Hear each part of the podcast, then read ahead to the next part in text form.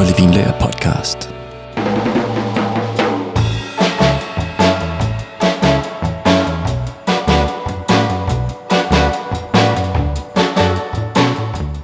Så skal vi tilbage til hedevinene. Men øh, denne gang så skal vi kigge på sherryvinene, som kommer fra et af de sydligste vinområder på fastlandet i Europa. Og når du tænker på sherry, så tænker du nok på din bedste mor og lugten af mahonimøbler og serutter.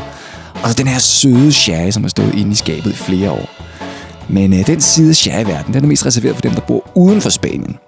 For de rigtige sherry aficionados, de drikker altså de mere hædrede sherry-stil, som er knastørre. Og så hele processen bag skabelsen af dem bare virkelig fascinerende, også ret nørdet. Så læn dig tilbage og nyd det her indblik i vinverdenen, som virkelig er et kapitel for sig selv. Det er nemlig nogle helt særlige vine, som du skal lære at kende nu.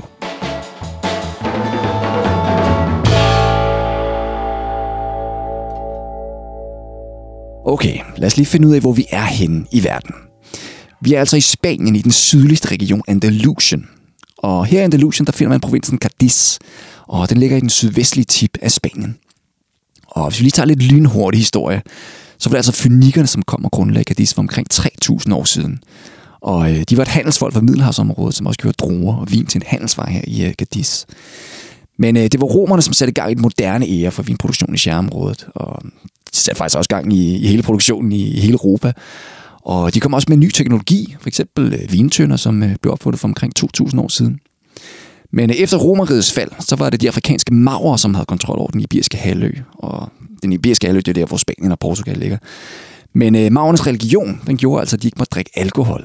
Men øh, de dyrkede alligevel rosiner, og så blev de også rigtig gode til at destillere. Og så kunne de jo lave medicin og parfume og sådan noget der. Og man fandt så ud af, at hvis man tilføjede spiritus til en vin, så kunne den holde meget længere. Så hedvine, de blev altså opfundet, så man kunne eksportere vinene, uden at de blev dårlige.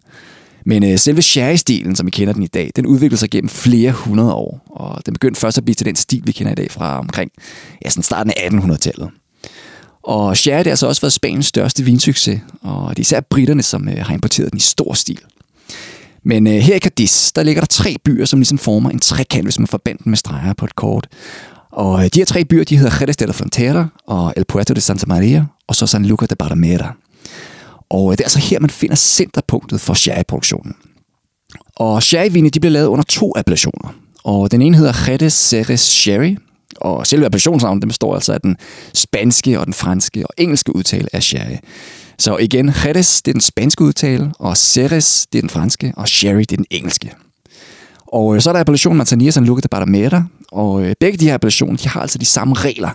Men øh, de vine, som går under appellationen Manzanilla San Luca de Barrameda, de skal altså læres i San Luca de Barrameda. Og øh, det er altså en kystby, som ligger lige ud til Atlanterhavet. Og her ved Atlanterhavskysten, der kommer der altså også en kold og fugtig vind, som hedder Poniente. Og den sænker temperaturen, for Cadiz-provinsen det er altså Spaniens varmeste vinområde. Og byen El Puerto de Santa Maria, den får altså også noget fugtighed fra den nærliggende Guadalete-flod. Så fugtighed, det er altså vigtigt her i sherryområdet. Men øh, effekten fra de her kolde og fugtige vinde, den forsvinder altså ret hurtigt, når man kommer længere ind i landet, hvor byen Jerez de la Frontera ligger. For her, der er gennemsnitstemperaturen om sommeren nemlig højere. Og det gør altså også, at vinene herfra er lidt fyldigere og mere modne og varmere i det. Og det er altså den varme og tørre levantevind, som kan hæve temperaturen endnu mere her i sjæreområdet. Og faktisk så siger man, at den her vind kan gøre folk sindssyge. Men øh, levantevinden, den blæser altså ind fra øst, hvor den egentlig bærer druerne under modningsperioden. Så de her skiftende vinde fra den varme levante fra øst, og så den kolde og fugtige poniente fra Atlanterhavet, de giver altså nogle optimale forhold for den gær, som er altafgørende, når man skal lære en lang række af sjærerne. Og det er især vigtigt med den her kølende fugtige indflydelse, når man ligesom skal lære sherryvinene. Så vinhusene, eller bodegaerne, som øh, man også kalder dem, de er altså også bygget op sådan, så den varme vind kan komme ud, og øh, så vender vinduerne altså også mod den her kolde og fugtige vind, så den ligesom kan komme ind og give noget kølighed og fugtighed. Og øh, så har de faktisk også et jordet gulv, som øh, de blandt andet også kan vande for at, at holde på fugtigheden.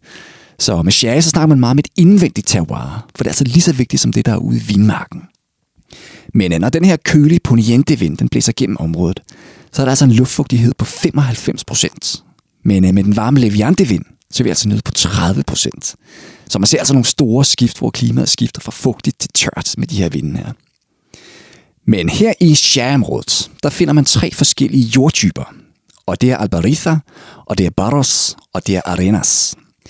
Og den vigtigste jordtype, som står bag de bedste, og de fleste sherryvin faktisk, det er Albariza. Og øh, det er så sådan en kalket og porøs jord med sådan en kridhvid farve. Og øh, Albariza navnet, det kommer også fra det latinske ord alba, som betyder hvid. Og fordi den er så porøs, så kan den altså suge rigtig meget vand til sig, når det endelig regner i efteråret og i vinteren. For der er nemlig en masse små huller i den her Albariza, hvor vandet kan opsamle sig. Så det giver ligesom sådan nogle vandreserver til, når den her super varme og tørre sommer den kommer. Så den her kalkjord, den fungerer så ligesom en svamp, som suger væske til sig. Men øh, de her huller, de gør altså også, at jorden den smuldrer rigtig nemt. Så derfor så kan vinstokkens rødder også bevæge sig langt ned i jorden for at finde den her nødvendige vand. Men øh, når man kigger på Albarifa-jorden fra overfladen, så ser den altså bare fuldstændig bagt ud. Og det øverste lag af jorden, det er altså også meget hårdt, så det kan altså også være med til at holde på vandreserverne længere nede, så de ikke kan fordampe. Og øh, så er den jo også hvid som sne, den her Albarifa-jord. Så det reflekterer altså også en masse lys til vinstokkene. Og for omkring 33 millioner år siden, så var sherryområdet altså dækket af havet. Så det er altså her, den her kalkede Albariza, den kommer fra. Og øh, det meste af Albariza-jorden, den finder man på de blide skråninger mellem San Luca de Barrameda og Guadalete-floden. Og øh, den her flod, den løber sådan lige syd fra Jerez de la Frontera. Og øh, de Albariza-områder, dem kan man altså også fra Jerez Superior. Og øh, det er altså her, hvor 80% af de to appellationers vine, de kommer fra. Og her er der altså også lidt strengere krav til høstudbyttet. Og det er altså næsten alle sherryvin, som kommer fra den her Albariza jord. Men øh, der er jo stadig Bardos jordtypen, som man finder i de lavt liggende dale. Og øh, det er sådan en mere frugtbar jordtype med mere ler i sig. Og den er så svær at arbejde med, fordi man får noget mere vækst, som ligesom skal holdes under kontrol. Og øh, så er der også Arenas, som er sådan en sandet jordtype, som øh, man mest ser i kystområderne, hvor den nærmest kun bruges til muskateldruer. Og øh, nu nævnte jeg jo muskatel, så vi kan jo meget passende lige se på, hvad det er for nogle sorter, man egentlig bruger til sherry. Der er tre hvide druesorter, som er tilladt til sherryproduktion. Og det er Palomino Fino, og så Pedro Jiménez, som også bare kaldes PX, og så er der Muscatel. Og Palomino Fino, det er en meget neutral druge, som egentlig kun kan producere kedelig hvidvin med lav syre. Men øh, i sherryområdet, så står den altså for over 95% af beplantningen. Og man skal lige huske på, at det er altså ikke vigtigt at holde høstudbytte nede i sherryområdet. For alt magien, det sker altså under læringen. Så det er meget ligesom champagne, hvor man laver en neutral hvidvin, som så får al sin karakter, når den lærer og modner i vineriet.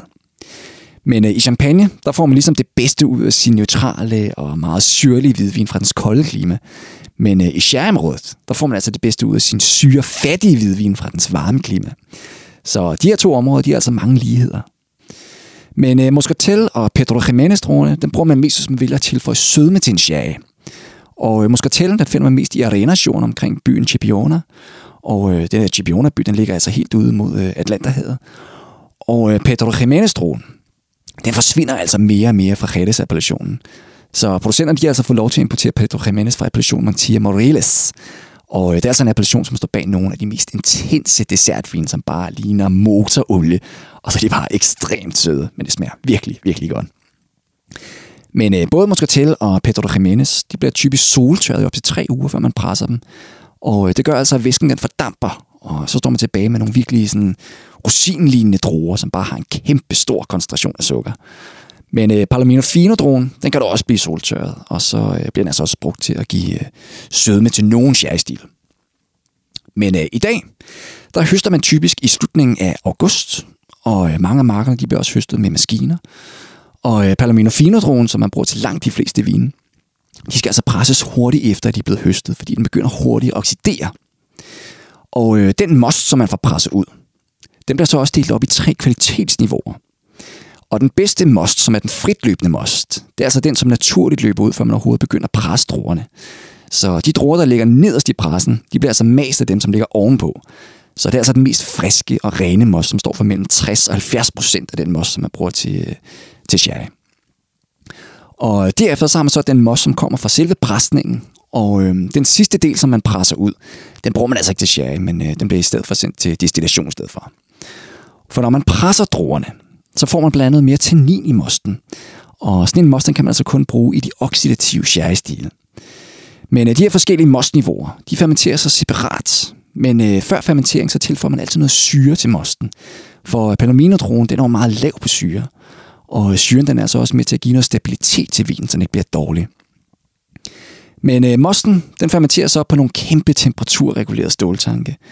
Og øh, her der får mosten sådan en varm og livlig start, som bare op til en uge. Og derefter så sker der så også en langsom fermentering ved en lavere temperatur, hvor den her resterende sukker, den så bliver omdannet til alkohol. Og det tager nogle uger. Men øh, så ender man altså også med en delikat basevin, som har mellem 11 og 12,5 procent alkohol. Og den her basehvidvin, som det jo er, den bliver så separeret fra gærcellerne, og så er man ellers klar til at transformere vin om til en sherry. Og det er nu, det sjove begynder.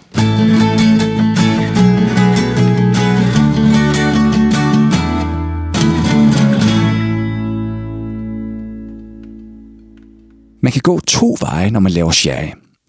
Man kan nemlig vælge en biologisk læring, eller også en oxidativ læring. Og de her to læringstyper, de laver så nogle vidt forskellige sherry Men når fermenteringen af basevinen er færdig, så vælger man, hvilke vin, der skal læres biologisk, og hvilke, der skal læres oxidativt. Og de basevin, der skal læres biologisk, de bliver forstærket til mellem 15 og 15,5 procent.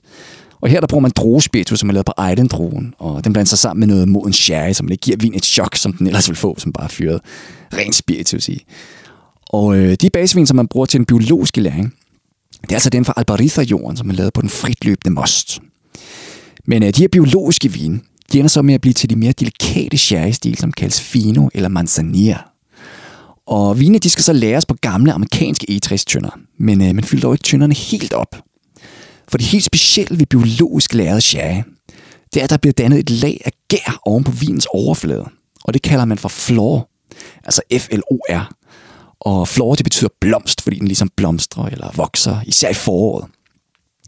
Og øh, den normale gær, som jo stod for, øh, for den alkoholiske fermentering, den dør jo efter, at sukker det er blevet konverteret til alkohol. Men derefter, så dukker den her anden gærstil op, som begynder at optage vins glycerin. Og glycerin, det er jo en form for alkohol, som er tykflødende med sådan en sødlig smag. Og øh, så lever den her florgær altså også etanol og syre, altså især eddikesyre. Og øh, når floren den æder etanolen, så bliver det til etanal, eller acetaldehyd, som det også hedder. Og det giver sådan en helt karakteristisk smag af grønne æbler, som jeg har fået sådan stødet og er begyndt sådan at oxidere. Og man finder det især også i øh, Chenin Blanc fra Loire, hvis du vil prøve at opleve det i en uh, almindelig hvidvin. Men uh, den her etanal, det giver altså også en syrlig fornemmelse, men uh, egentlig så har sherry ret lav syre, også selvom at de føles lidt syrlige. Men det her etanal, det bruger floren altså også som en madreserve, for den kan nemlig lave etanol om til en energikilde, hvis den går hen og mangler næring senere hen. Og med den her florgær, så kommer klimaet altså også ind i billedet. For den her fugtige poniente-vind sammen med en moderat temperatur på mellem altså 15 og 21 grader, det er altså med til at udvikle den her flor. Men øh, selve vinen, den skal altså heller ikke indeholde sukker. Og så skal alkoholen også ligge mellem 15 og 15,5 procent alkohol. For ellers så dør det her florlag. Og den her flora, den kræver altså også, at den har kontakt med oxygen, som den også lever af. Men øh, det her lag af gær, som den danner på vins overflade inde i tynden, det gør altså, at der ikke kan komme oxygen ned til selve vinen. Så det her det er altså en af de mest reduktive vinstil i hele verden. Altså det er den mindst oxidative vinstil. Men øh, floren den laver da også en form for oxidering. Men øh, det går kun ud over alkoholen, som bliver til etanal. Men øh, en almindelig oxidering, som man for eksempel ser i almindelig rødvin eller hvidvin, det vil for eksempel også gå ud over vinens farve, og så vil det altså også give nogle andre smagsnoter, altså især nødder og eddike. Men øh, floren, den vokser meget i foråret og i efteråret, og i varmen om sommeren og i kulden om vinteren, så bliver den her gærhinde tyndere, og så bliver den også mere grå i farven. Men mens at den her biologiske læring den står på, så er der altså også en periode på mellem et halvt til et helt år, hvor vinmageren faktisk kan vælge at ændre vinens kurs. For man holder nemlig øje med vinene for at se, om de udvikler sig til at skulle laves til en anden vinstil end bare en Fino eller en Manzanilla. For hvis floren den har det godt og beskytter vinen mod oxidering, så bliver det nemlig til en Fino eller en Manzanilla sherry. Og både Fino og Manzanilla, det er altså den samme slags vin, men øh, en Manzanilla, den må kun komme fra San Luca de Barrameda. Og her der har de altså også deres egen appellation, nemlig Manzanilla San Luca de Barrameda. Men øh, det er som sagt næsten identiske regler som øh, i Jerez appellationen. Og både Fino og Manzanilla, det er altså sådan en let og delikat stil. Og øh, de har en lys stråfarve med lidt grønlige skær, og så er de knastørre med masser af de her etanolaromaer af styrte æbler. Og øh, så er de saltede med sådan en blid smag af citronskal og olivenlag. Og fordi at floren blandt andet æder glycerin i vinen, så er de her biologisk lavede vin meget slanke i det. For glycerin, det giver jo på normalvis noget fylde eller viskositet til, til vinen. Og Fino og Manzanilla, det er altså også nogle af de tørreste vine i verden, fordi glycerin og alkohol jo har en sødlig smag. Men floren, den æder altså begge dele. Så de er meget tørre, og de er meget slanke på samme tid. Men øh, alkoholen, den ligger altså alligevel på de her 15-18 procent, og øh, det giver altså også en form for varme, også en fornemmelse af fylde. Så Fino Sherry, det er altså meget specielt, og det er altså en helt anden vinoplevelse, end man er vant til. Og den kommer altså fra den her biologiske læring, så det er altså virkelig, virkelig spændende vin. Men øh, uh, Manzanilla-vinene, som jo også er en Fino-stil, som bare kommer fra byen San Luca de Barmera, de har dog typisk også en lidt slankere krop end Fino, med en mere delikat tekstur og faktisk også lavere alkohol. Men uh, floren, den gror et rigtig godt og tykt lag på vinen her i San Luca de Barmera. Og fordi at byen ligger lige ud til Atlanterhavet, så er vinen altså også mere saltet og mere frisk i det. Og uh, mens Finoen den modner, så kan florlaget måske forsvinde. Og uh, det gør jo, at vinen begynder at oxidere. Og øh, så begynder den at udvikle en smag af hasselnød, som er et klassisk tegn på oxidering. Men øh, hvis laget flår det kun delvis forsvinder, så vinen kun oxiderer en lille smule, og hvis vinen også er af god kvalitet, så kan den altså blive til en Fino Amontillado. Og den kan så udvikle sig videre til en Amontillado, når smagen og styrken bliver dybere i det, og den også begynder at blive ravfarvet. Så Amontillado, det er altså en anden sherry-stil, som øh, også får sådan lidt tørret aprikos og noget appelsinskal også. Men øh, den har stadig de her etanalnoter af støtteæbler, og øh, alkoholen, den er også højere, hvor den ligger på mellem 16 og 22 procent. Så Amontillado, det er en moden fino, hvor vinen får lidt oxidativ læring efter den biologiske. Så vine, de har altså også lidt fyldige og oxidative noter af nødder og også noget karamel.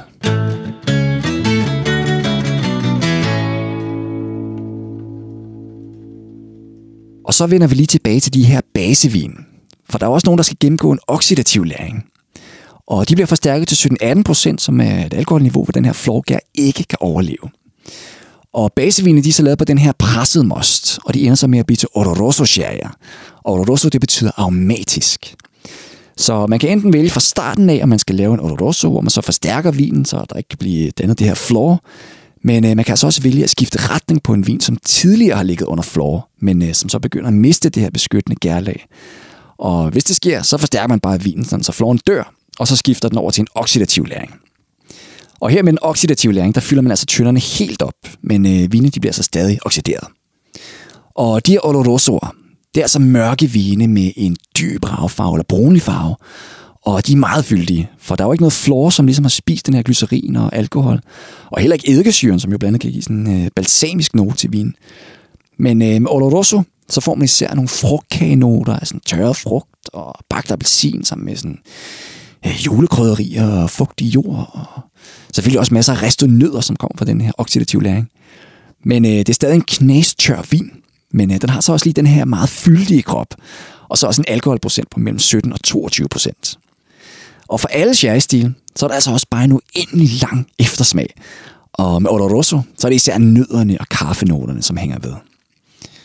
Og en stilmæssig mellemting mellem en Amontillado og en Oloroso, det er så en Palo Cortado, og øh, den har så den fyldige krop og dybe farve fra Olorosoen, og så har den så også brødheden og elegancen fra Amontillatoen. Og det er den mest sjældne sherry-stil, som de rigtige sherrynørder også er rigtig glade for. Så Palo Cortado, den starter altså ud som en fino, men den bliver så omdirigeret til en oxidativ læring. Så de her fire vinstil, altså fino, skråstrej manzanilla, og amontillado, og rosso og palo cortado, det er, hvad man kalder generoso vin. Og det vil altså sige, at de er fuldstændig tørre i stil med maks 5 gram restsukker per liter. Og jeg vil altså sige, at de her tørre sherry-stil, det er de mest interessante, så det er altså nogle vine, man virkelig skal kende til. Men øh, i byen San Luca de Barrameda, der har de altså deres egen navn for de her tørre generoso-vin. Så Fino, det er jo en manzanilla, og manzanilla passata, det er så en Fino Amontillado, hvor vinen oxiderer en lille smule. Og øh, manzanilla olorosa, det er så en oloroso.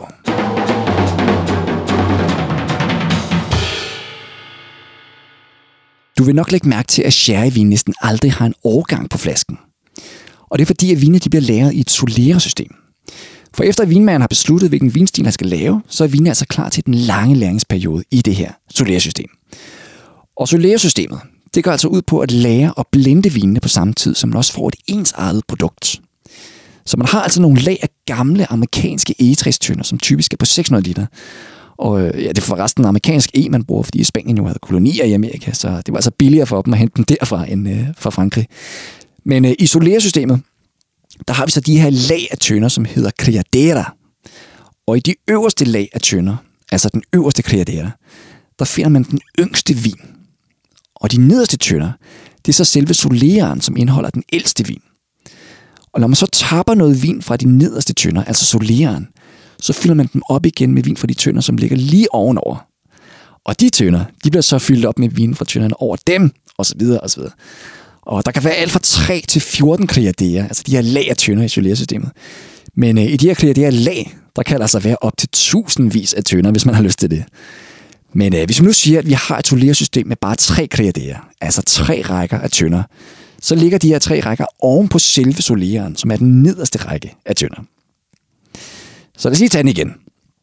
Forestil dig fire rækker af tønder, som er stablet oven på hinanden. I den nederste række af tønder, der har vi selve soleren, som er den ældste vin, som man tapper på flaske. Og når man så tapper noget vin fra soleren, så fylder man soleratønderne op igen med den yngre vin, som ligger lige ovenover i den første kriader. Og den første kriader, den vil så også mangle noget vin. Så den bliver så toppet op igen af den anden kriader. Og den anden kriader, den toppes så op af den tredje kriader. Og den tredje kriader, den toppes så op med helt frisk vin fra den nyeste årgang. Så for hver liter, man tapper fra soleren, så skal der altså være to liter tilbage. Så soleren den bliver kun delvist tømt, og så bliver den så toppet op igen med yngre vin. Så når vin den endelig kommer på flaske, så er det altså et blend af mange forskellige årgange. Så teoretisk set, så vil der stadig være lidt vin tilbage i soleren fra dengang hele systemet startede. Og på flaskernes etiketter, så vil der også tit stå, hvornår soleren den startede. Men øh, det her solersystem, det er altså også super vigtigt for den biologiske læring.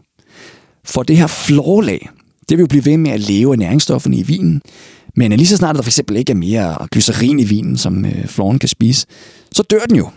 Og øh, der skal jo være noget oxygen, som den kan leve af også. Så når man topper en ældre vin op med en yngre vin, så bliver vinen for det første iltet, og de her yngre vin, de giver så også friske næringsstoffer til den ældre vin, så floren den kan fortsætte med at udvikle sig. Men øh, det er det selvfølgelig ikke nødvendigt, når man laver en oxidativ oloroso. Men øh, olorosoerne, de bliver alligevel også lære deres eget solersystem. Og her der bliver tønderne som sagt også fyldt helt op. Og med de biologiske vin, så er der jo det her luftlag, så floren kan ligge på vins overflade. Og så kan den også få noget oxygen. Så øh, det er det ligesom med forskellen på den biologiske og den oxidative læring, at der er det her luftlag. Så øh, det her solersystem, det er faktisk ret kompliceret, og man skal virkelig være organiseret for at holde styr på det. Og selve placeringen af solærsystemet, det er altså også ret vigtigt. For de tønder, der ligger tættest på jorden, de får nemlig mest fugtighed. Så det er altså bedst til den biologiske læring. Og højere op, der er der altså varmere, så her der står de oxidative vine.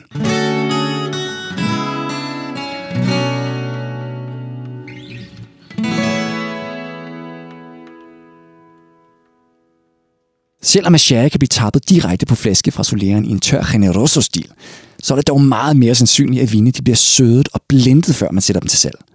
For det er nemlig de søde sherryer, som sælger bedst. Og typisk så søder man vinene med mosten fra soltørrede druer, altså helst fra Pedro Jimenez, men øh, den er altså ret dyr, så det er altså mest soltørret palomino, man bruger. Men øh, man kan altså også justere farven med en blanding af reduceret sirup og frisk most, og det giver altså også noget sødme til vinen. Og de her søde sherryer, de kan blandt andet hedde Pale Cream, og det er altså sådan en lysere og friskere stil, som er et blend af finovin, så de har altså også de her fine noter, men øh, de kan så også have mellem 45 og 115 gram restsukker per liter i sig. Og øh, så er der cream-stilen, som er blendet af Oloroso, og det er altså en mørkere og mere koncentreret stil med mellem 115 og 140 gram restsukker per liter. Og øh, det er altså nok den mest populære stil, som de fleste husker fra ens mormors mahoniskab. Og øh, så er der også dry, og den er lysere i stilen med en restsukker på mellem 5 og 45 gram per liter. Og øh, så er der medium-stilen, og den er ravfarvet og fyldig, og øh, den kan altså også have Montiardo-vin med i blendet. Og øh, så ligger restsukkerniveauet på mellem 5 og 115 gram per liter. Og som jeg nævnte tidligere, så bliver vinene på soltørret muscatel eller Pedro Jiménez druer, de bliver lavet til vino dulce natural. Og det betyder altså naturligt sød vin. Og det hedder de altså også, selvom at vine de bliver forstærket efter en delvis fermentering. Og her der bliver man altså efterladt med en masse restsukker, og det svinger altså fra 160 gram per liter og helt op til 500 gram per liter. Men uh, sherryvine, de har altså også nogle alderskategorier for Amontillado, Oloroso og Palo Cortado og Pedro Jimenez. For de kan nemlig hedde VOS, som betyder Very Old Sherry. Og øh, det vil Solera-vine, de har en gennemsnitsalder på over 20 år. Og for hver liter VOS sherry, som øh, der ligesom tappes fra soleren, så skal der være 20 liter tilbage. Men øh, der er også VORS, som betyder Very Old Rare Sherry. Og øh, det kan man altså kalde de her vin, som har en gennemsnitsalder på over 30 år. Og her, der skal der være 30 liter tilbage for hver liter, som bliver tappet fra soleren. Og her på falderæbet, så kan jeg også lige nævne, at sherry er en af de bedste vine til mad. Der er nemlig så mange forskellige vinstile, som man kan vælge imellem. Altså ligesom med champagne, som er lige så god at parre med mad. Men sherry, det er dog bare meget billigere. For man kan jo få nogle rigtig modne vine fra de største producenter i området til næsten ingen penge. Så man kan sagtens køre en hel middag kun med sherry. Og de kan jo være helt lette og knastørre i stilen, og så kan de være fuldstændig tykflydende og sindssygt søde. Og så selvfølgelig alt derimellem. Men øh, Fino og Manzanilla, de skal altså serveres køligt, og så er de skide gode sammen med lette retter med fisk og skalddyr. Og ellers så en klassisk parring også grøn oliven og saltede mandler og artiskokker og aspars. Og øh, så er det altså også en af de eneste vinstile, som kan hamle op med eddike. Og de mere oxiderede stile, de fungerer altså bedst med de mere intense og komplekse retter, og altså også til kød. Og øh, hvis du skal bruge verdens bedste parring til vaniljeis med pekannødder, så skal du altså have fat i noget Pedro Jimenez. Og voila! Nu så mister du altså også vine fra sherryområdet. Men øh, du skal jo selvfølgelig også få smagt dig igennem vine først, hvor du rigtig kan forstå området ordentligt. Så kig lige en gang i episodenoterne, for jeg har linket til nogle super lækre sherryer, som du skal prøve af. Og så vil jeg så bare sige, husk at trykke abonner på podcasten og skriv en anmeldelse af den. Og så gå ind og følg os på Instagram, Facebook og YouTube, hvor du kan tjekke vores vine ud og finde nogle gode tilbud. Og så dukker der altså også nogle konkurrencer op en gang imellem, som du kan være med i. Og hvis du har nogle spørgsmål til mig, så kan du altid skrive til mig på vores Instagram-profil. Jeg står i hvert fald klar til at hjælpe dig, hvis der skulle være noget. Og lige nu så har vi også gratis levering i lokalområdet omkring vores butikker. Men øh, kom også ned i vores 15 butikker landet over, hvor min kolleger vil hjælpe dig med at finde den perfekte vin. Så få gang i de her sherryvin. Det er altså her, man får allermest for pengene. Og så ses vi altså bare igen til afsnit 24 af Holde Vinlærer podcast.